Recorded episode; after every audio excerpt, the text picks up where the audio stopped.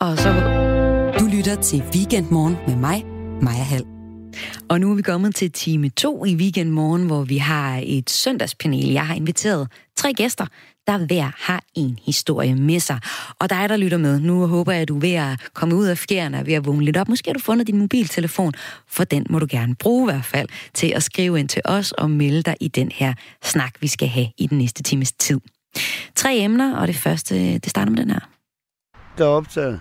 Der er ingen forskel mellem øh, herberg eller nogen steder er plads. Der er optaget, lyder det fra Per Nørgaard, der er hjemløs og lige nu bor i et vådt telt i et skovområde. Han oplever, at der ikke er plads på herberg, fordi der er fyldt med østeuropæere.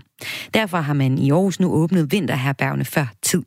Men hvornår er man egentlig hjemløs nok, kunne man måske sige, til at bo på herberg? Det skal vi tale om. I Danmarks største parcelhuskvarter, Skjoldhøjparken, undrer nogen beboere sig over en særlig ændring. Men der er mange steder, hvor gardinerne er trukket for hele tiden. Det er meget lidt dansk. Det er meget lidt dansk, det der med, at øh, gardinerne er trukket for. Er den danske virkelighed øh, et sted, hvor gardinerne altid er trukket fra? Det skal vi også tale om. Kvinder svines til, udstilles og nedgøres hver dag på mange internetforer. Rundt omkring på nettet findes digitale rum for primært unge mænd, hvis primær beskæftigelse er netop at have kvinder, og også kaldet manusfære. Derfor har ligestillingsminister Mogens Jensen fra Socialdemokratiet valgt at afsætte 700.000 kroner sammen med Nordisk Ministerråd til at undersøge omfanget af de kvindehadske fruer. Men øh, det er altså et fortal af mænd, der er kvindehadske. Det mener formand for Manderådet, Simon Simonsen den danske mand, han er bestemt ikke et, var der en, der så, der skrev, kvindehadende svin. Sådan er, sådan er mænd bestemt ikke danske mænd. De er skønne og kærlige og og nogle af dem i verden, der begår mindst kriminalitet og mindst voldelige, og de passer på både på deres partner og børn og familie. Men hvad er så problemet med steder på internettet, hvor mænd samler og skriver noget hadske? Måske er det der slet ikke. Dig, der lytter med, hvis du har spørgsmål eller kommentar til det, vi taler om i den næste time, så er du velkommen til at skrive ind på sms'en. Du sender en sms til 1424. I beskeden skriver du R4 og laver et mellemrum og skriver din besked. Og nu velkommen til mine panelgæster, vi har dem simpelthen med fra hele landet, men først velkommen til dig, Søren Christensen, leder af Vinterherbadet i Aarhus. Velkommen. Tak skal du have, og godmorgen. Og godmorgen. Hvornår er man hjemløs nok?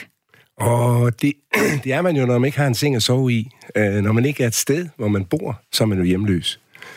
Og så skal jeg byde velkommen til dig, Inam Nabil, journalist, og i den her uge aktuel med podcasten Tæt på, Inam Nabil og den danske virkelighed. Godmorgen. Godmorgen. Øhm, du bor på Vesterbro af dansk palæstinenser fra Libanon og opvokset i Voldsmose uden for Odense. Det er jo en bydel, som medier, politikere og meningsdannere ofte kalder en ghetto. I Voldsmose voksede du så op med ideen om, at du levede i et parallelt samfund, uden nogen idé om, hvad der så er ude på den anden side af alene og ude i den danske virkelighed. Men du har rejst rundt i Danmark for at undersøge, hvordan den danske virkelighed ser ud, og vi har kunne følge med i den her uge på Radio 4. Du taler blandt andet med din gamle klasselærer i Voldsmose, besøger et parcelhuskvarter, tager til fest på Charlottenlund Slot og til gudstjeneste i en landsbykirke. Hvad øh, er det mest danske ved at vokse op i øh, Voldsmose i Namnaville? Åh, oh, det er et svært spørgsmål. øhm, det er jo at, øh, at gå i skole, tror jeg, er nok ret meget dansk. Altså det her med ligesom at have fri adgang til, til uddannelsessystemet og, og, og kunne gå til lægen og den slags. Så de tilbud, der er, øh, tror jeg er meget dansk i forhold til andre steder. Og det skal vi jo tale mere om i den øh, næste time tid. Også velkommen til dig, Maja Kalke Lorentzen. Du er forsket i manusfære, som vi skal se på, hvad er i en årrække, og så er du også cyberfeminist. Ja. Kan vi starte med lige det helt åbenlyse spørgsmål. Hvad er en cyberfeminist? Jamen, i gamle dage, så var en cyberfeminist en, der synes at det nye internet var helt vildt spændende, og der kunne man jo lege med sit køn og sit kønsudtryk, og måske sådan forlade sin krop og være for eksempel en avatar. Det var sådan dengang internettet var nyt, og vi også troede, det ville bringe os demokrati og frihed.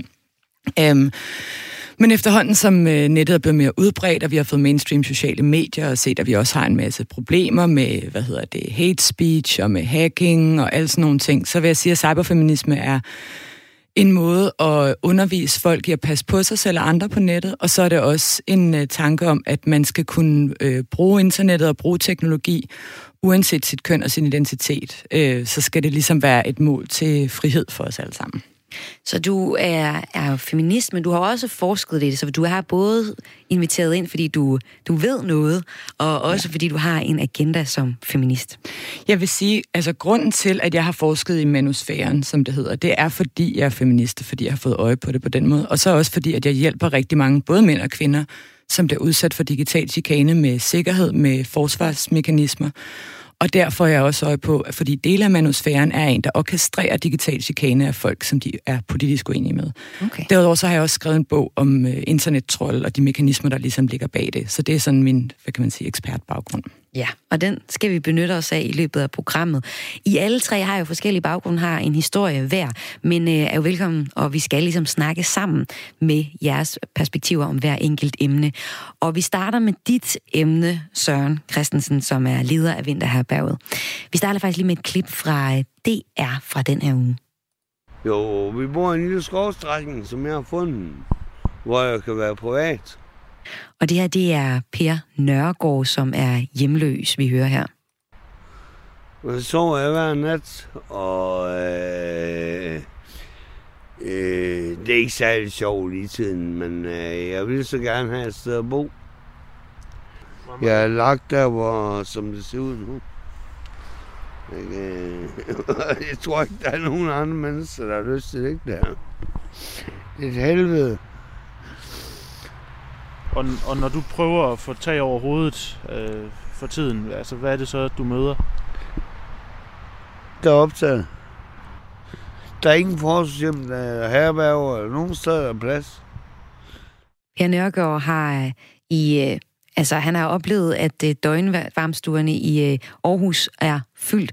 Og af samme grund så er et vinterherberg for hjemløse åbnet i søndags, og det er tidligere end normalt. Søren Christensen, Altså, øh, oplever I, at der er flere hjemløse den her vinter end tidligere, sådan at der kan være så travlt, at Per har svært ved at finde sted at, at være? Øh, det tror jeg faktisk ikke, vi gør. Altså, der var en overgang, hvor der var lidt flere østeuropæere på døgnvarmstuen nede i Nørregade her i Aarhus. Men, øh, jamen, altså, lidt flere, hvad vil det sige? Og vejret er jo ikke koldt endnu øh, i forhold til at bo ude, men det er jo vådt af pummeren til. Det så det er det, der ligesom er det afgørende, eller hvad? Det tror jeg. Jeg tror, det er simpelthen det er vådt, og derfor kryber de ind, i stedet for at ligge ude i naturen, hvor de har ligget hele sommeren, eller hvor de nu har været. Ja. Og, og det, jeg tænker, det er det, der er problemet, det er, at de er gået ind. Det, man så har set i Nørre det er, at man synes faktisk, at der var lidt mange dernede, men der har ikke været nogen, heller ikke Per Nørgaard, der er blevet afvist dernede, så, så siger de folk, der er dernede. Okay. Der er ingen, der bliver afvist. Okay. Og det er der slet ikke i Aarhus, fordi der er faktisk pladser nok. Okay. Jeg har talt med Anders, som er leder af Reden her i Aarhus, og han fortalte også, at de har sådan set også akutpladser nok, så man kan sagtens komme ind og få en nat. Øh, men, men det er jo ikke sjovt at komme og få en nat på et herberg, og skal gå igen, og så skal man komme igen næste nat, og, og en gang til, og så en gang til. Man vil gerne have noget stationært, tænker jeg. Og ja. der, der, der er der jo stadigvæk pladser på nogle af de der herberg, der er i Aarhus. Og jeg ved, at sådan en organisation som Blå Kors i øjeblikket arbejder på at lave endnu et herberg ude i omegnen, ude i EU for eksempel. Og, og det er sådan noget, der, så der er sådan set op, øh, masser af pladser, eller ikke masser af pladser, men der er pladser nok til de hjemløse, der er. Ja. Men, men der er jo masser af hjemløse. Ja. Altså i Danmark, der er der jo 6.431, har man talt i u 6. Ja, ja, ja. Og her i Aarhus, der er der 750 ja. hjemløse. Ja. Og det gælder også alle de der, der er sofa øh, kajter, eller hvad hedder de, ja. dem, der tager den ene sofa ved vennerne en nat, eller to, eller tre nætter, indtil de bliver smidt ud, og så finder de en ny ven. Ja. Og på et tidspunkt ender de på ungdomsherberget, ja. eller noget andet. Den, den her historie kommer fra, øh, fra DR, og øhm, i, øh, i den artikel, der følger med til historien, der bliver der beskrevet, at der er mange østeuropæere på de her herberg og fylder dem op. Og der er faktisk en, der har skrevet ind på sms'en lige præcis til det her. Det er Torben, han skriver. Øhm, jeg forstår ikke, hvorfor indvandrere skal have første ret på en bolig. Øh, så er regeringen ligeglad med danskerne.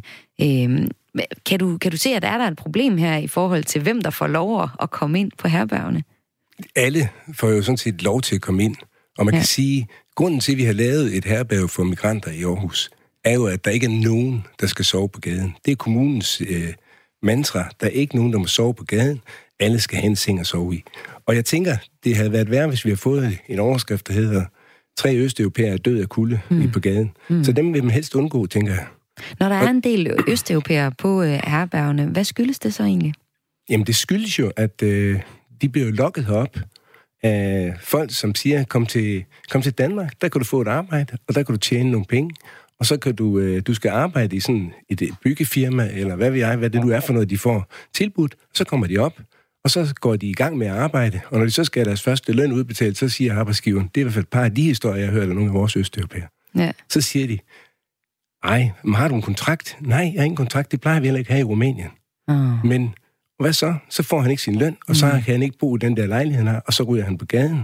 Og det er faktisk pinligt for ham at komme hjem igen og sige, det der, han lige har beskrevet, nu har han arbejdet, han tjener så og så meget, og det er fantastisk, og det er godt, og, det, og så komme hjem og sige, det var bare, jeg blev snydt. Ja. Så er det for pinligt at komme hjem. Så, så går man i gang med at samle flasker. Og jeg synes jo måske, det er lige lidt, lidt der er et land i Europa, der ikke er i orden. Når man i Danmark, som rumæner eller som dansker, eller hvem det nu er, samler flasker, og kan tjene mere, end man kan tjene i Rumænien ved at samle flasker på en dag. Ja. Nå, vi skal have resten af panelet på banen øh, i Namna Bil. Du bor i København, hvor der er også en del øh, hjemløse. Oplever du egentlig en, en utryghed omkring hjemløse, der ikke kan finde plads på, øh, på herberg, for eksempel? Øh, ikke en decideret utryghed, men det er som om, at det... Altså, nu bor jeg jo øh, hen mod Ingehaveplads, øh, så op ad Istergade er der jo en del øhm, øh, med, der, med østeuropæisk baggrund, som ligesom opholder sig ude på gaden. Øhm, og det, det synes jeg jo bare er et problem for alle. Altså jeg synes, det er et problem for dem, og jeg synes, det er et problem for os andre, at der ligesom er øh, mennesker, der bare har rodfæstet sig i et eller andet hjørne, gadehjørne, øh, hvor, hvor de ja, kan gå rundt og nærmest altså, øh, ja, han har sagt lave mad, det gør de så ikke, men, men, men ligesom spiser og vågner og sover der. Øhm, det synes jeg skulle have et problem her i, altså, i Danmark, at, at, at vi ikke kan finde på noget bedre, eller at vi i hvert fald ikke, øh, altså nu ved jeg jo ikke, hvad, hvad deres baggrund er i forhold til sådan, altså må de være her, skal de være her, og, og, og i så fald, hvad gør vi så ved det, hvis de skal være her, ikke? Mm. Øhm, så, så jeg synes, det, det er problematisk, at vi har mennesker på gaden. Ja. Maja Lorentzen, du har forsket og kigget på, på stigmatisering, kan man sige, på nettet. Og det ja. var det jo også lidt en stigmatisering af, jamen er det et problem, at det er østeuropæere, der fylder herbergene, og øh, i forhold til, til danskere. Og, men altså, vi har jo også bare øh, vores, øh, vores øh, hjemløse, eller vinterherbergsleder, som Christian, der siger, at hvis man ikke har noget sted at være, så har man selvfølgelig en, en plads til det her. Hvad, hvad betyder sådan en stigmatisering af en minoritet, tænker du? Jamen, jeg tror, at det bliver brugt rigtig ofte som sådan et argument. Ikke? Altså, vi skal, vi skal hjælpe vores egen hjemløse først, og, og de her, de kommer ligesom og tager vores ting. Men hvis du så spørger folk, hvad de har tænkt sig at gøre for at hjælpe vores egen hjemløse, så vil jeg sige, så kommer de måske også lidt til kort. Jeg oplever det lidt som sådan det, man kalder en afsporing inden for digital debat. Øh, jeg talte med selv med to etnisk danske, meget unge, virkelig søde hjemløse her forleden, som jeg satte mig ned sammen med og røg en cigaret, fordi at de øh, smilede og vinkede, og så sagde jeg hej, og så blev de, helt, de var ved at falde bagover over, at jeg sagde hej til dem, for de var ikke vant til, at folk snakkede med dem. De var vant til, at folk ringede til politiet, for de var utryghedsskabende, når de sad på gaden og hang ud øh, at øh, der var også en, der havde sat sig ned og fortalt dem, at de skulle få sig et arbejde, og folk spytter på dem, og de stjæler mm. deres ting. Altså, så det, det, vi behandler ikke hjemløse særlig godt, og nogle gange så har folk måske bare brug for en undskyldning for, at jamen, de her skal heller ikke behandles godt. Men problemet med hjemløshed er jo, altså det er jo et problem for alle dem, der er det. Jeg vil give dig fuldstændig ret i, man, at, at det, det, det burde vi virkelig ikke have i Danmark. Vi burde kunne finde på noget bedre. Man burde have ret til et sted at bo. Hvad siger du, Søren Christensen? Jeg er helt enig. Selvfølgelig skal vi finde et sted til folk at bo og vi skal ikke have folk, som bor på gaden. Men der er jo nogen, som for hvem det er virkelig svært at bo i en lejlighed. Psykisk sygdom, og jeg ved ikke hvad. Altså, så de er faktisk glæde af at være ude, og mm. gå ud og få den der frihed. Men altså, det dur jo ikke. Men altså, nu, spurgte, ja, ja. nu sagde hun, at, vi mm. skulle, at hvis, man, øh, hvis man spørger danskerne, hvad de kan gøre, altså hvad, hvad vil I gøre for hjemløse, mm. så er der jo faktisk lige præcis i dag en mulighed. For i dag, der samler Kirkens Korsager ind i 85 steder her i Danmark, hvor de er ude og ringe på dørene og samler penge ind til danske hjemløse. Ja. Så det gælder om at tage overtøjet på og komme ud og samle ind. Kl. 10 starter de, i hvert fald i Aarhus i Nørre og også andre steder. Kig ja. på nettet og komme ud og samle ind. Ja, eller så skal man starte et andet sted. Nu kommer jeg med som baggrund som, som videnskabsjournalist. Jeg kan huske, at jeg læste et forskningsprojekt på et tidspunkt, jeg tror det var Island, hvor man arbejdede med at give alle hjemløse et hjem. Og øh, det var ligesom der, der var Altså, det, der, der, så er man elimineret hjemløse på en eller anden måde. Altså ved at, at sige, nu, nu giver vi dig et sted at være, så man ikke skal skifte fra herberg til herberg. Hvad tænker du om sådan en løsning? Det er en fin idé. Og jeg tænker, at nogle af alle de penge, vi bruger, kunne vi lige så godt bruge på det. Lad os, da, lad os da komme i gang. Altså, jeg tænker, For eksempel i Aarhus, der er skudt så mange lejlighedskomplekser op, men det koster jo en milliard at bo der, fordi der er nogle selskaber, der skal tjene en masse penge, eller investeringsselskaber, der skal tjene en masse penge. Og så kan, der kan man jo ikke bo som hjemløs. Vi har jo ikke nogen boliger, der er så billige, så man kan bo der som hjemløs. Ja. Fordi man har jo ikke nogen, man har gerne sin kontanthjælp, og den er også skåret. Og det vil sige, mm. man kan jo ikke, altså det er jo virkelig vanskeligt at, at finde de der steder. Men jeg er helt enig. Per, som du snakkede om ude i skoven, ja. og den artikel, som Danmarks Radio har lavet, synes jeg er lidt dårligt lavet, fordi det er jo, det er jo en enkelt mands udsagn, som faktisk ikke engang rigtig er blevet tilbudt plads på herrebøven. Men alligevel, så må man sige, der er jo et eller andet her, som vi kan gøre noget ved, og ja, altså lad os komme, lad os, jeg, jeg, nu tabte jeg lige tråden. Jamen, så kan jeg bare spørge dig, Ina med bil. Skal, kunne du finde på at tage ud og, og samle penge ind? Ja da. Altså, øh, jeg har Eller er det bare noget, du siger, fordi jeg spørger dig? jeg er faktisk ikke fan af det der med at gå ud og samle penge. Det vil Hvorfor jeg gerne sige. Jeg kan godt finde på det. Hvorfor ikke? Jamen, jeg synes, der er så meget andet, man kan gøre. Så jeg er sådan ja. af, af den holdning generelt set, at hvis vi alle øh, engagerede os lidt mere i vores lokalsamfund, så vil mange problemer forsvinde.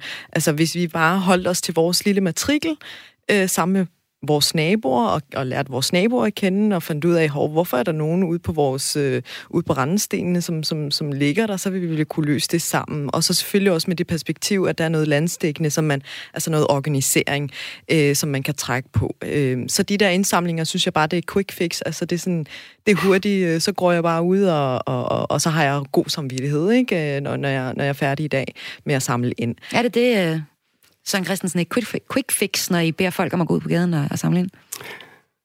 Jamen, jeg ved ikke, hvad skal vi ellers, altså, hvad skal man ellers i de der organisationer, hvordan skal man samle penge ind? Altså, en gang, der fik man mange penge fra staten til at gøre og drive tingene. Det gør man stadigvæk. Jeg skal skynde mig at sige, der er ret god, der er en god øh, økonomi Jamen, vi har heller ikke nogen politikere, der kan give nogle penge i panelet i dag, så det er Nej. en ren snak, ja. men, men det, man kan sige, det er, at, at det er jo lidt underligt, at man som politiker med den ene hånd, det kan være det, fordi Britta nu har taget i at gemt pengene, så nu får man faktisk penge til at lave de her ting i social... Mm. Altså, vi, vi har fået, jeg tror, det er en halv million af staten til at lave et, et, et øh, vinterherberg for hjemløse østeuropæere, eller immigrant, migranter, som det hedder. Og jeg tænker, når de gør det med den ene hånd, og med den anden hånd, snakker som nogle af de der politikere, der snakker om, at alle de fremmede, de skal bare hjem, og de skal ikke være her, og vi skal ud med dem, mm. så får man jo sådan en stigmatisering af dem.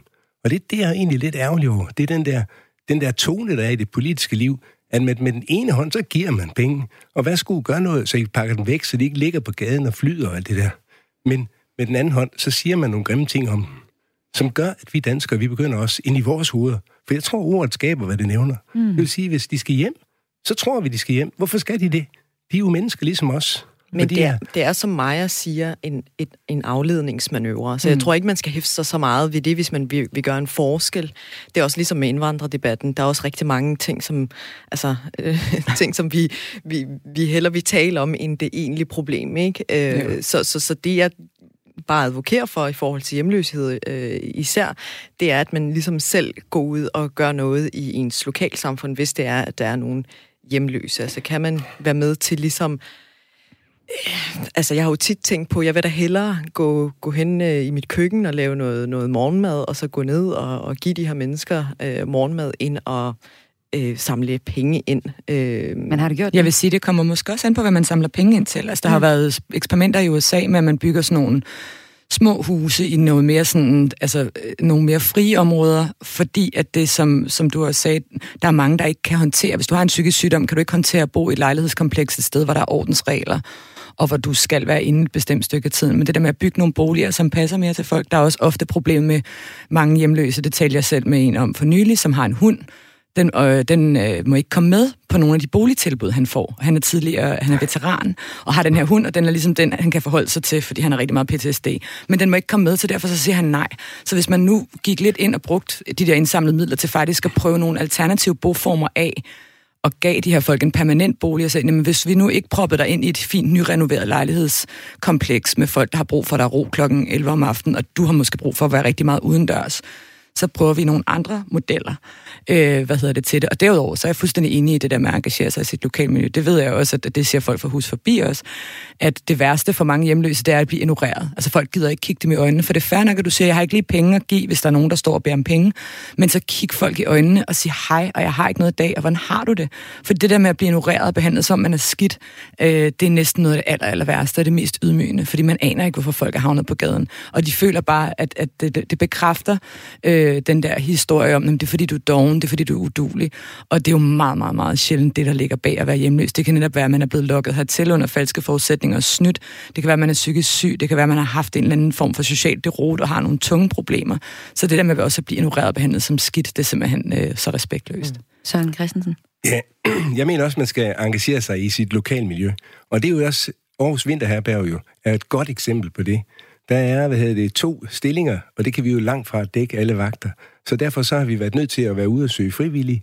Og øh, jeg tror, vi har over 75 frivillige, som har sagt ja tak til at hjælpe os med at lave nogle vagter på øh, herberget. Og, jeg, og det er egentlig lidt sjovt, fordi når man snakker med nogle af rumænerne, så, så er nogle af de gode historier, de fortæller, det er, tænk, så var der en mand, der gav mig en sandwich i dag. Mm. Altså stod udenfor og solgte hus forbi, eller stod udenfor og tikkede, som man jo ikke må, men altså gjorde det alligevel. Så kom der en og sagde, jeg vil ikke give dig penge, men du kan få noget mad, værsgo. Mm. Og, og det tror jeg er rigtigt. Jeg synes, jeg er helt enig med, at man skal kigge til dem og se på dem og smile til dem og sige hej og prøve at give dem en, jeg lige vil sige, give dem en øh, krammer på mm. en eller anden måde. Den opfordring er givet videre her på en søndag. Husk at smile til dem, du møder på gaden, og også de hjemløse. Vi har et panel i gang her i Radio 4 Weekend Morgen, hvor vi nu har talt lidt om øh, hjemløse i forbindelse med en sag, helt konkret her i Aarhus, med at der ikke var plads, og nu er der åbnet, og der var faktisk plads alligevel, har vi fundet frem til. Noget af det, vi også skal snakke om, det er, hvad er Danmark? Hvad er den danske virkelighed? Og det skal vi snakke om her efter en nyhedsoverblik. Dig, der øh, lytter med, du er velkommen til at blande dig herinde. Der er allerede nogle stykker, der har skrevet om nogle af emnerne. Vi samler også op slutningen af programmet, så du kan sagtens komme med en kommentar til hjemløse. Skriv en øh, uh, sms ind til 1424. I sms'en, i sms'en skriver du R4, laver et mellemrum og skriver din besked. Men lige her inden nyhedsoverblikket i navnet Bill, øh, jeg synes lige, at vi skal tage lidt hul på den her emne. Danskhed, kunne man sige det, eller hvad er Danmark, den danske virkelighed? Det er noget, du har undersøgt i den her podcast tæt på, og du har været rundt i Danmark øh, for at undersøge det. Du er dansk palæstinenser fra Libanon, men har boet 25 år i Voldsmose og vokset op i, om ideen om, du levede i et parcellet samfund. Altså, hvad har du fundet ud af den her tur rundt i Danmark? Det er så vigtigt at sige, at jeg faktisk altså, er født og opvokset i Danmark, så jeg er faktisk dansk. Øh, jeg har nogle øh, andre rødder, og det er faktisk ikke engang, altså det er ikke min anden kultur, der har ligesom vagt min nysgerrighed for at komme ud. Det er mere det her med ligesom at vokse op i social underklasse Danmark, hvor man ikke havde penge til at, hvad skal man sige, bevæge sig ud af, ja, Volsmoses øh, to øh, kvadratkilometer, ikke? Øh, og det bliver man selvfølgelig mærket af, forstået på den måde, at, at øh, der er så meget derude, som man ikke ved særlig meget om. Man er ikke gået, øh, kommet på museum, man er ikke øh, gået i teatret, og altså, der er så mange ting, som jeg ikke har fået øh, nået at, at opleve som, som barn og som teenager. Det er først, da jeg selv fik et arbejde, at jeg, jeg begyndte øh, hvad skal man sige, at kunne gøre de ting, som jeg er nysgerrig på. Øh, så det, jeg fandt øh, om på den anden side, det... Øh, det var jo, øh, det var jo hvad skal man sige, en masse observationer af, hvordan Danmark ser ud. Øhm, og, og det er jo forskellige artet, fordi jeg kom jo lidt rundt. jeg kom både ud i en landsby, ud i en landsby, jeg kom i en landsby, og øhm, i en rigmandskvarter, og så tog jeg til Danmarks øh, største parcelhuskvarter. Og det er jo, det ser, vil jeg gerne sige, forskellige artet ud. Mm. Det er forskellige oplevelser. Men øhm, Ja, det, jo, nej, der er faktisk ikke noget, men det er faktisk ret øh, forskelligt fra sted til sted, ja. alt efter hvor man kommer. Ja. Det skal vi tale lidt mere ud af, også om, også om hvad, hvad du sådan helt konkret har fået ud af turen, og hvad du håbede på at få ud af turen øh, efter et øh, nyhedsoverblik. Jeg vil bare lige opfordre igen til dig, der lytter med, at du er velkommen til at skrive ind på sms'en. 1424 er telefonnummeret, og i sms'en skriver du R4 og laver et mellemrum, og så skriver du din besked. Og emnerne i dag, de er jo altså det er jo, vi snakker hjemløse, vi har Søren Christensen, leder af Vinterherberget i Aarhus ind, i navnet Bill, journalist, aktuel med en øh, podcast om den danske virkelighed, og Maja Kalke Lorentzen, forsker i manusfære, som vi også skal blive lidt klogere på, hvad det egentlig er. I den her forbindelse med, at man vil undersøge kvindehadske forer på nettet. Det er altså alle de her emner, som øh, vi vender også i den næste halve time af øh, weekenden. Og af weekendmorgen. Og nu, Dagmar, Dagmar Eben Østergaard. Er du ved at være klar med nogle nyheder til os? Jeg er så klar. Dem glæder vi os til. Lad os uh, få dem lige her med det samme. Jeg tilbyder en pagt med befolkningen. Hvis du stemmer konservativt, kan du være 100% sikker på, at en konservativ flertalsregering vil få Brexit gennemført. Sådan siger premierminister Boris Johnson til avisen The Telegraph. Samtlige konservative kandidater til det kommende parlamentsvalg i Storbritannien har nemlig lovet at støtte den Brexit-aftale, som Boris Johnson har forhandlet sig frem til med EU, hvis de altså bliver genvalgt. Det drejer sig om i alt, i alt 635 konservative kandidater. Parlamentsvalget det foregår den 12. december i år, og det blev udskrevet for at få afsluttet tre års uenighed i underhuset om betingelserne for Storbritanniens skilsmisse fra EU. Brexit skulle ellers være sket tilbage i marts måned, men er siden blevet udskudt tre gange. Viking Link, en højspændingsforbindelse mellem Danmark og Storbritannien, kan komme til at koste danske elforbrugere dyrt, det skriver Jyllandsposten. I den offentlige debat er projektet ellers blevet fremlagt som økonomisk fordelagtigt. Det har klima- og energiminister Dan Jørgensen blandt andet udtalt under et samråd, skriver avisen. Men når regnestykket det brydes op, så står forbrugerne til at skulle betale op mod 8 milliarder kroner over 40 år. Det viser et svar fra ministeriet. Årsagen er, at Viking Link gør det muligt at sælge strøm til Storbritannien, og forventningen er, at en øget efterspørgsel også skruer prisen på den danske strøm i vejret. For en husholdning vil elregningen ifølge ministeriet stige mellem 8 og 40 kroner plus moms om året i 40 år, og for en mellemstor produktionsvirksomhed med et års forbrug på 10 gigawatt vil stigningen være mellem 20.000 og 100.000 kroner om året. Østaten Samoa, der ligger i Stillehavet, har i weekenden erklæret undtagelsestilstand efter flere dødsfald. Dødsfaldene menes at skyldes et udbrud af mæslinger. Alle skoler, skoler er lukket, og myndighederne de bestræber sig på at stoppe alle større forsamlinger af mennesker i øgruppen. I slutningen af oktober indløb de første meldinger om dødsfald som følge af mæslinger, og det fik regeringen til at erklære mæslingeepidemi. Øgruppen Tonga, der er omkring 900 km fra Samoa, har også identificeret 251 tilfælde tilfælde med mæslinger. Danmark bliver i 2022 vært for ridesportens største mesterskab med VM i fire discipliner. Det internationale rideforbund har placeret blandt andet VM i dressur og springning i Herning. Det oplyser Sportevent Danmark i en pressemeddelelse. I alt havde 10 lande budt ind på afholdelsen af mesterskaberne, der forventes at trække små 200.000 gæster til Herning. Og Chiles uafhængige menneskerettighedsinstitut, de vil nu klage over politibetjentes angivelige medvirken til et manddrab. Anklagen lyder, at betjentene forhindrede ambulanceredder i at nå frem til en person, der altså fik et hjertetilfælde midt under en demonstration fredag. Ved at bruge tårgas og skyde med gummikugler og vandkanoner gjorde betjentene det umuligt for redderne at behandle den 29-årige Abel Acuna. Han døde kort efter episoden på et hospital i Santiago. Både ambulancen og redderne blev ramt af projektiler, da de forsøgte at redde Acuna, lyder det fra instituttet. Og sagen den bliver en del af en bunke på over 1000 andre sager, som for tiden bliver undersøgt af offentlige anklager i Chile. Anklagerne mod sikkerhedsstyrkerne lyder på alt fra seksuelle overgreb til tortur. Og bunken den er altså blevet mangedoblet i løbet af de seneste uger med protester.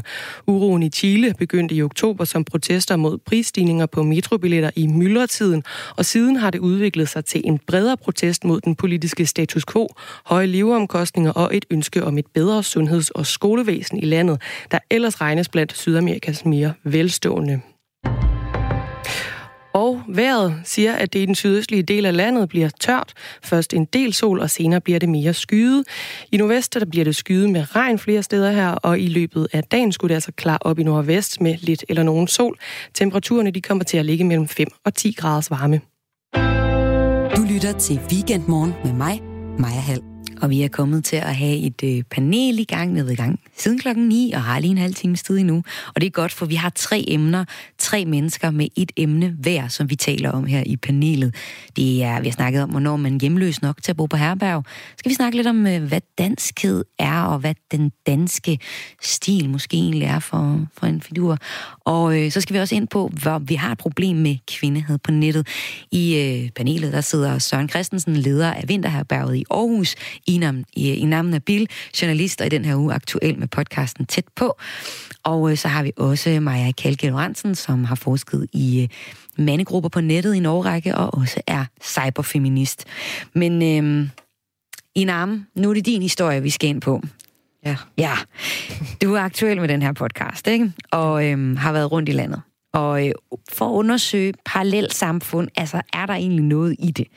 Øhm, blandt andet så er du blevet, øh, altså du har rejst rundt i, ja, rundt i hele Danmark for at finde ud af, hvad den danske virkelighed er.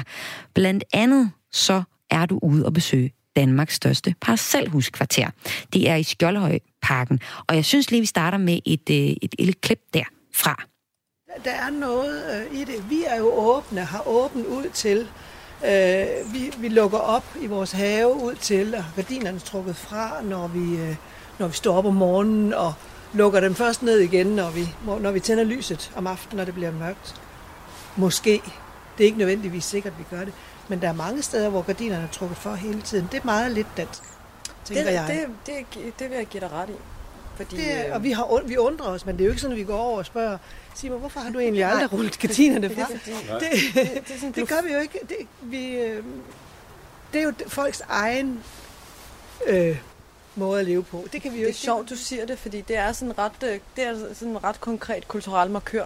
Ja. Altså, ja, det, om man det, har det kan man sige. gardinerne Ja. Ja. øh, Kan du for, fortælle os, eller... hvorfor de lavet for?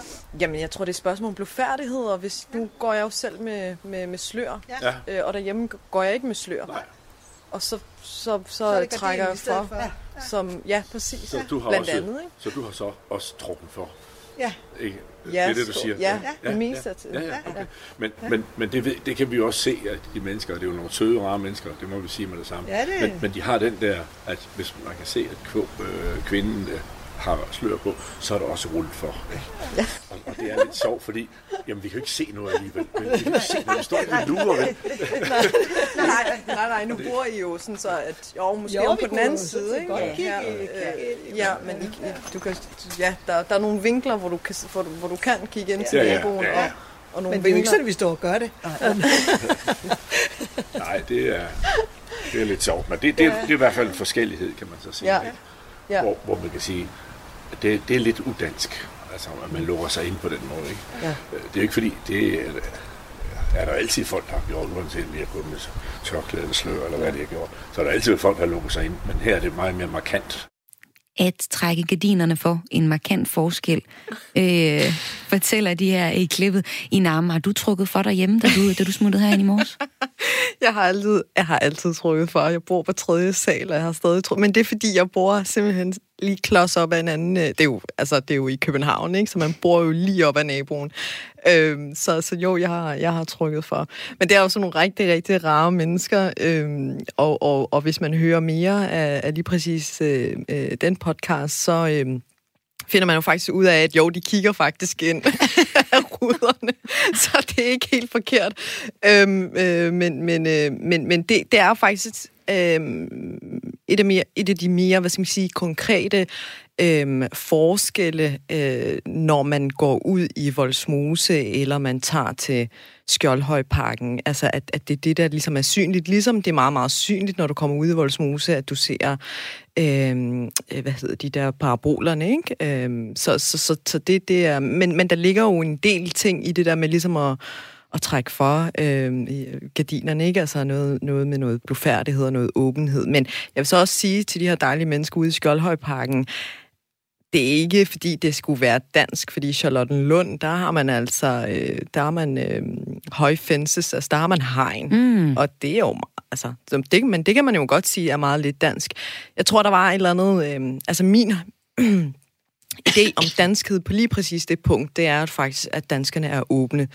Øh, det er jo åbne, gæstfri mennesker. Der er bare sket et eller andet i løbet af de sidste 20 år. Øh, måske fordi der er kommet flere øh, med, med en anden etnisk baggrund til landet, eller der er kommet flere skræmmekampagner, jeg ved det ikke, men, men, øh, men, men det jeg ligesom har oplevet på min tur, det er, at folk jo faktisk er, altså er ret åbne, hvis man går hen til dem og, og snakker med dem. Øh, så, så alt er jo godt i sin fineste form, han har sagt, i, i Danmark. Ja. Der er ikke så meget, der har ændret sig der. Dig, der lytter med øh, Den Danske Virkelighed, har du en kommentar eller spørgsmål til Ina Nabil, så skriv ind på sms'en 1424. sms'en skriver du R4 og laver et mellemrum og skriver din besked, og vi samler op sidst i udsendelsen til øh, jer, der kommer nogen på hjemløse. Dem skal vi nok lige tage øh, senere i programmet. Men Ina, Altså, du, nu er der det her forskel, som du siger, ikke? Altså, gardinerne oppe, gardinerne nede. Men hvad har du fået ud af den rejse helt generelt? Er du gået glip af rigtig meget ved at være vokset op 25 år i Voldsmose og bare misset nogle vigtige pointer i den danske, af den danske virkelighed? Ja, det tror jeg. Jeg tror, jeg har misset nogle vigtige pointer. pointer. Altså, det, ja, for eksempel? Det kan være sådan noget som de danske vendinger, altså i sproget. Ja. Øh, altså sådan hverdags... Men er det et problem for dig som, som journalist og tidligere nyhedsvært på 24 Ja, fordi da jeg gik ud af, af, af 9. klasse, der var jeg tæt på at være funktionel analfabet. Og jeg, jeg siger det igen, jeg er født og opvokset i det her land og gået i folkeskolen øh, i ni år. Øh, og så kom jeg ud øh, på den anden side af Voldsmose Allé, det er kun tre kilometer derfra, og havde øh, 10 i mundtlig øh, og skriftlig karakter, og det røg så til 6 på den gamle karakterskala i 10. klasse. Så der var jo en helt signifikant reel forskel øh, og problem ved ligesom at vokse op i Voldsmose. Bortset fra, jeg vil gerne sige, det er et super dejligt sted og trygt sted at vokse op. Øh, og, og det, jeg ligesom har, har, har opdaget ved ligesom at, at gå rundt i Danmark, det er, at vi ligesom øh, bor sammen med dem, som ligner os selv. Øh, og det oftest er pengepungen, der ligesom øh, er afgør, hvor øh, du bor eller hvor du vokser op. Øh, eller det sådan er grundlæggende værdier, altså er vi økologiske, eller altså hvad går vi op i, ikke? Øh, så, så, så øh, rotter man sig sammen øh, med dem, som ligner en selv. Øh, og det, det, er ikke, det er ikke kun en ting i Voldsmose, det er også en ting ude i Skjoldhøjparken. Og nu er ham historien fra Skjoldhøjparken handler jo faktisk om, at der er nogle øhm, øh, mennesker i øh, Brabrand, altså i, i, i en af de her øh, nationale ghettoer, hvis man kan kalde det det, de, store, de større ghettoer, som er begyndt at få lidt flere penge i, i lommen, og derfor så gerne vil bo i det her parcelhusliv, som mange danskere jo bor i. Øhm, så de flytter ind i Skjoldhøjparken, flere og flere af dem, og, og, det, og, og samtalen handlede så egentlig om, jamen er de så ikke bange for beboerne i Skjoldhøjparken, at området ændrer udtryk? Altså, øh, at der er flere gardiner, der bliver trukket for, for eksempel. Ikke? Altså, mm. at, at det, det kommer til at lyde anderledes, fordi man, man tager jo også et sprog med sig, altså arabisk eller tyrkisk, eller laver noget andet mad, ikke? Altså, der så lige pludselig så lugter der helt anderledes ude i Skjoldhøjparken. Ja. Så, så, øhm, så, så, så det, det er jo ligesom handler om, hvad, altså det er ligesom, konklusionen er, at vi, vi bor lige så isoleret som i Voldsmose, som vi gør, øh, gør ude i Skjoldhøjparken, som vi gør ude i Charlottenlund. Folk bor i deres lille samfund sammen ja. med de andre, der minder om hende, altså sig selv. Ikke? Ja.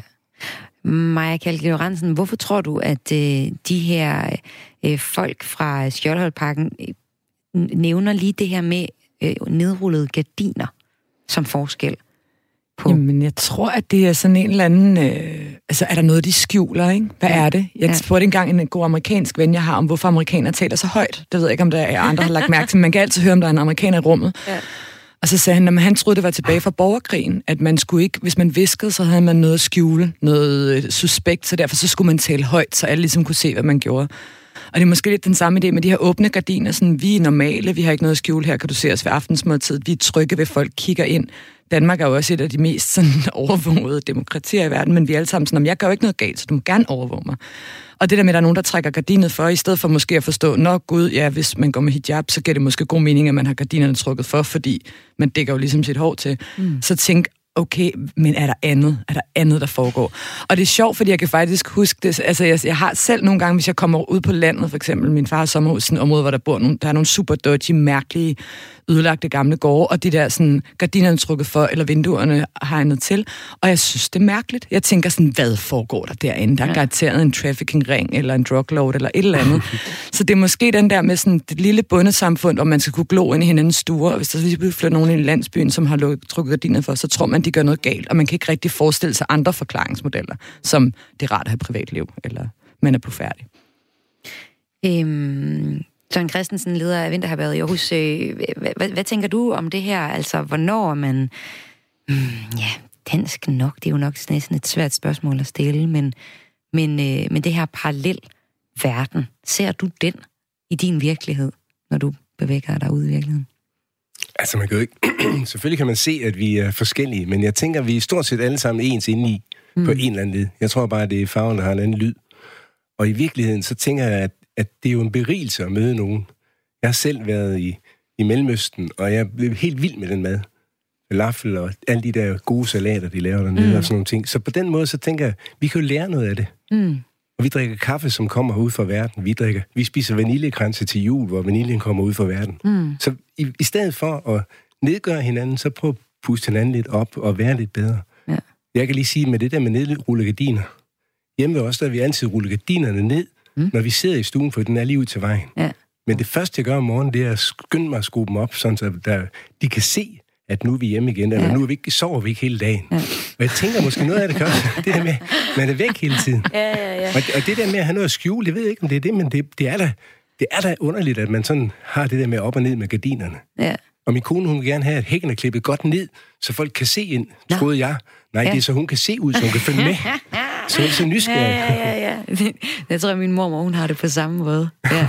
det er sjovt, fordi det, det er sådan noget, jeg aldrig havde forestillet mig at være det issue eller Nej. noget. Altså, det, tænk så, at, at det er en reel forskel, eller at det betyder så meget mere, hvis vi kan jo tale længe om, hvad det betyder ja. at rulle gardinerne ned, ikke? Altså også på den arabiske side. Så, ja. øh, men, men, men det, og, og det er det, tror jeg, da jeg ligesom bevægede mig ud i, i, i Danmark, øh, at, at, at jeg havde håbet på ligesom at finde ud af og opdage de her ting, som vi taler om i dag. Ikke? Altså, mm. hvad betyder det egentlig, og hvorfor? Altså, jeg synes, det er hammerende mærkeligt øh, at, at, at begynde at klæde om. Øh, altså, og det har vi jo så selv oplevet... Øh, altså adskillige gange, ikke? hvor jeg sådan tænker, ej, nej, nej, nej, nej. Altså, hvor nogen altså, begynder at klæde om, mens vinduerne er rullet?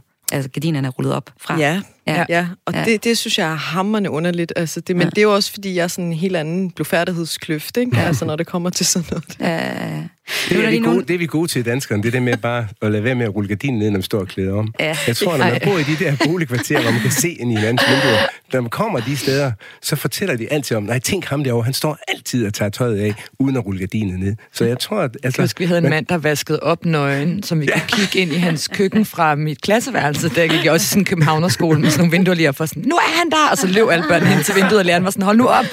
Altså, jeg tror aldrig, han opdagede os, fordi det, han var sådan helt bare i sin egen verden, stod han der Jeg vil også sige, altså, nu voksede op i en eller anden diskurs, både fra politikere og medier, mm. og også pædagoger og undervisere om, at, det, at, jeg, at vi levede i et parallelt samfund til det danske. Det vil sige, alt det, som ja. var i Voldsmose, var ikke dansk. Mm.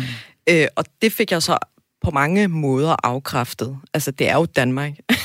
på, på, altså virkelig for fuld udblæsning, ikke? Det er velfærdssamfundet, der ligesom tror jeg, er virkelig, virkelig, virkelig dansk. Det, det, må, det må være det, der ligesom gør, at vi på en eller anden måde, som, som, som der også bliver sagt, øh, ligner hinanden indeni. Mm. Det er fordi, vi er vokset op med de samme, hvad skal man sige, systemer, eller i de samme systemer, ikke?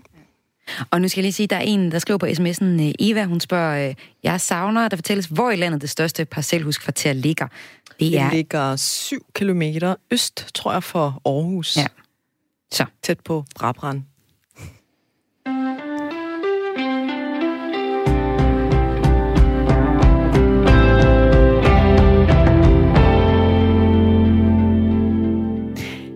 Kvindehad. Det er det næste og sidste emne i panelet. Kvinder svines til på nettet og udstilles. Det vil ligestillingsminister, Mogens Jensen fra Socialdemokratiet undersøge med 700.000 kroner sammen med Nordisk Ministerråd. Det er det, der er nogle andre, der sætter, ansætter til det. Det er ikke Mogens Jensen, der selv skal undersøge det.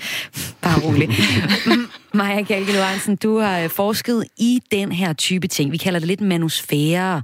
Kan du lige prøve at forklare? Altså manusfæren ja er en løs betegnelse for digitale rum, hvor mænd taler om køn og maskulinitet, men ofte med en øh, sådan, øh, hvad kan man sige, et antifeministisk rammeværk. De bryder sig ikke om feminisme, mange af dem synes, at feminisme er lige med mandehad, og så med udgangspunkt i det, man kalder sådan en essentialistisk forståelse af køn, det vil sige mænd og kvinder er grundlæggende forskellige. Der er biologiske forskelle, som udmyndter sig i, at kvinder kan nogle ting, og mænd kan andre ting. Men er det også Og manusfæren er jo ja, ikke, hvad hedder det, manusfæren er ikke, det er ikke hele manusfæren, der er kvindehadende. Og det er faktisk rigtig vigtigt at fastslå. Jeg var i radioen omkring det her for to år siden, og hvor jeg tror, der var mange, der opfattede en artikel, der blev skrevet efterfølgende, som det sagde, manusfæren er lige med kvindehad. Det passer ikke. Der er også rigtig meget manusfæren, som er selvudvikling, det er kosttips, det er snak om, hvordan man har det, hvordan man fortolker sin faderrolle, det er alle mulige former for politisk aktivisme.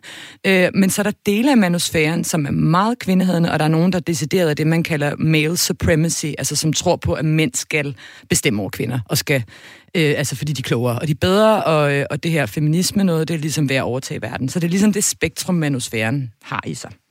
Men det er et fortal af de mænd, øh, altså af mænd, der er kvindehadske. Det mener i hvert fald øh, formand for Manderådet, Socialdemokraten Simon Simonsen, og lad os lige prøve at høre ham forklare, mm. hvorfor.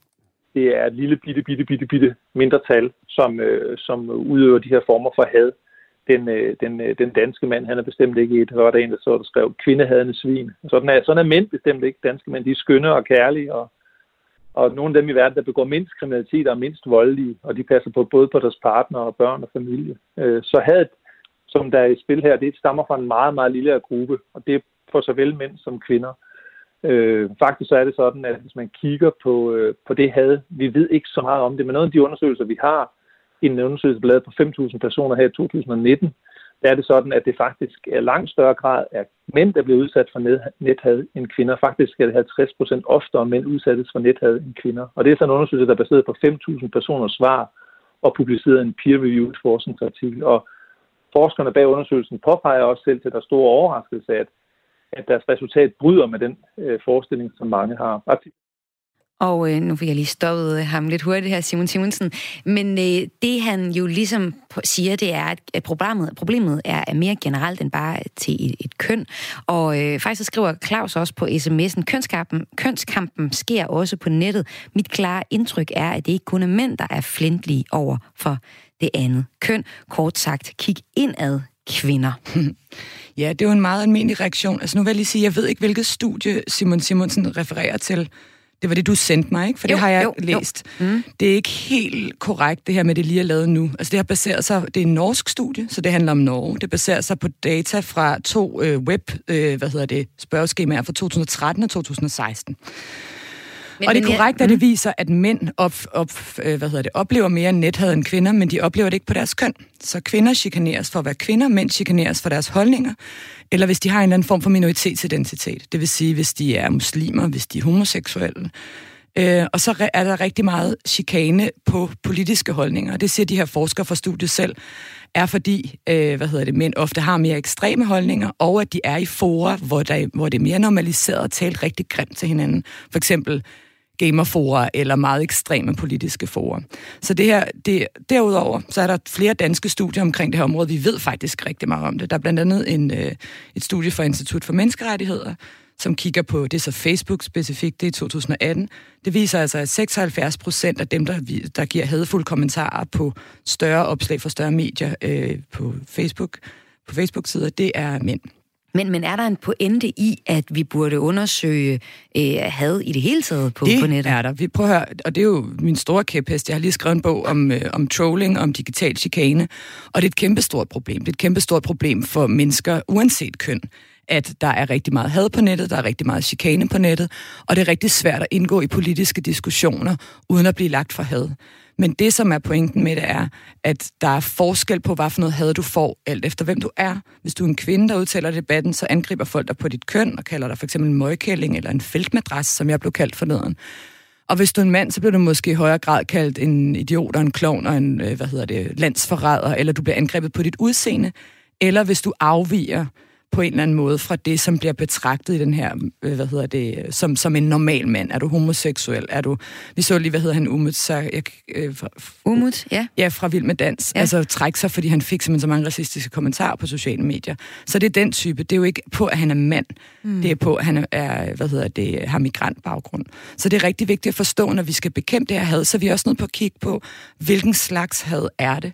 Fordi vi ved, og det siger det norske studie, som jeg tror, at det Simon Simonsen refererer til, mm. de siger også, at had, der går på gruppetilhørsforhold, har en mere gral effekt på at få folk til at trække sig. Så det vil sige, hvis du bliver angrebet på dit køn, og, og, hvad hedder det, eller på din etnicitet, eller på din seksualitet, øh, så er du mere tilbøjelig til at trække dig, fordi det føles øh, hvad hedder det, mere ubehageligt, end at du bliver angrebet på dine holdninger. Mm. I Nabil, du er både kvinde, og du har også en minoritetsbaggrund. Hvad er værst at blive diskrimineret for? Uh.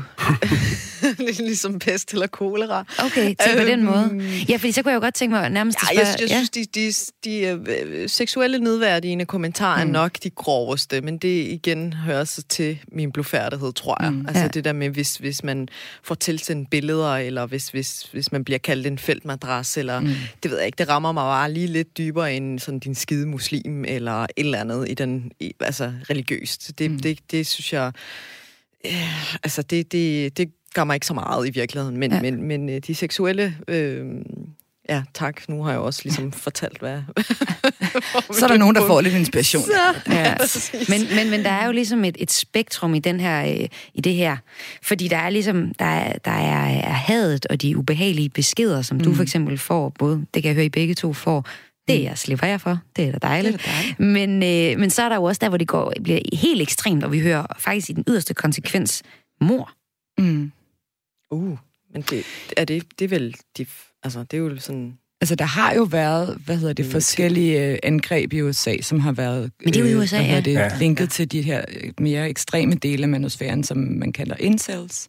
Og så er der også nogle af de her, hvad skal vi kalde dem, imageboard-terrorister i Brenton Tarrant øh, fra Christchurch i New Zealands ånd. Ham blandt andet, der angreb i Halle, ham der angreb i Bærum som begge to, udover at være stærkt, øh, hvad hedder det, antisemitiske, stærkt antimuslimske, også virkelig hader ikke kvinder nødvendigvis som helhed, men især feminister og sådan moderne kvinder, mm. og gerne vil, vil hævne sig på dem. Og, og for deres vedkommende handler det især om, at de mener, at feminister er, øh, hvad hedder det, ødelægger øh, fødselsraterne for hvide mennesker, og for incels, der handler det om, at der ikke er nogen kvinder, der vil gå i seng med dem. Ja. Så det er sådan nogle personlige seksuelle frustrationer. Ja, det og det kan man sige, vi har jo ikke haft nogen nylige angreb i Danmark, men faktisk er Danmarks eneste skoleskyderi i øh, hvad hedder det, 1994 på Aarhus Universitet, fandt man 10 år senere ud af via hans afskedsbreve, ham her gerningsmanden og dagbøger, at det var motiveret af et meget, meget stærkt kvindehad, og nu vil han tage, som han selv skrev, nogle værdiløse søger med sig, inden han vil skyde sig selv.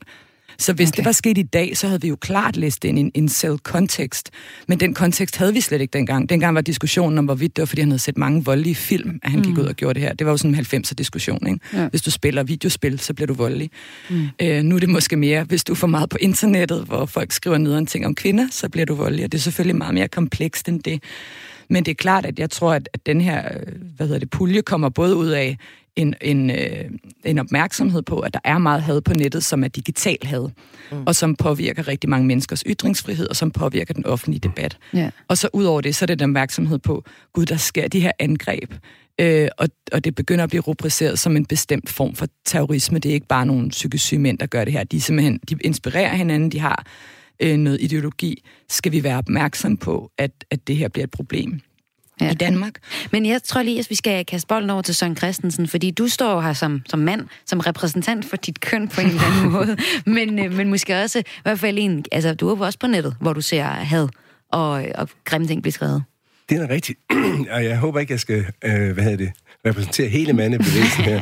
Det får jeg svært ved. Ja. Men, men jeg tænker, altså jeg oplever det jo ikke sådan det der med, at man får nogle, nogle hadebeskeder eller sådan noget. Slet ikke. Men, mm. men jeg oplever alligevel, nu arbejdede jeg i mange år i Folkekirkens Nødhjælp, mm. at der var der de der beskeder om, hvorfor kan de ikke klare sig selv derude, og hvorfor skal vi hjælpe dem? Og det samme sker nu, når man snakker om øh, hjemløse. Mm. De må da klare sig selv. De, kan da, de er da selv ud om det. De det er der præcis en, der skriver ind ja, på, på sms'en. Ikke? Altså, øh, deltager der lidt naive og farvet af deres branche. Flere østeuropæere tjener flere penge ved at tække i, i DK, end de kan tjene øh, derhjemme.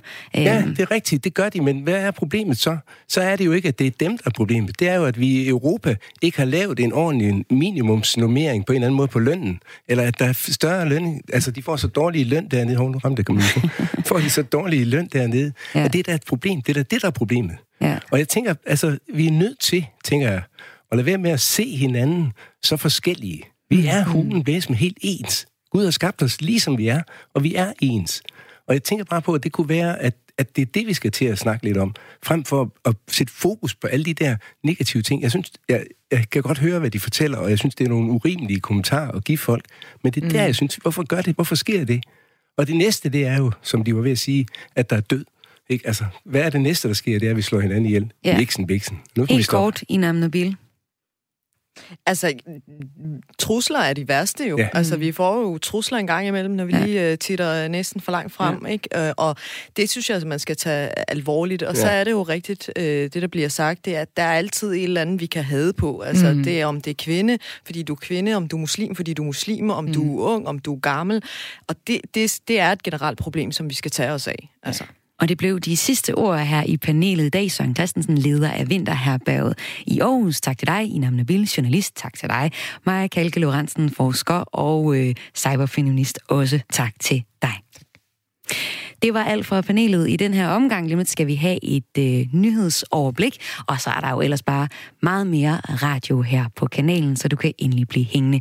Mit navn var Maja Hall, og jeg vil ønske dig en dejlig søndag.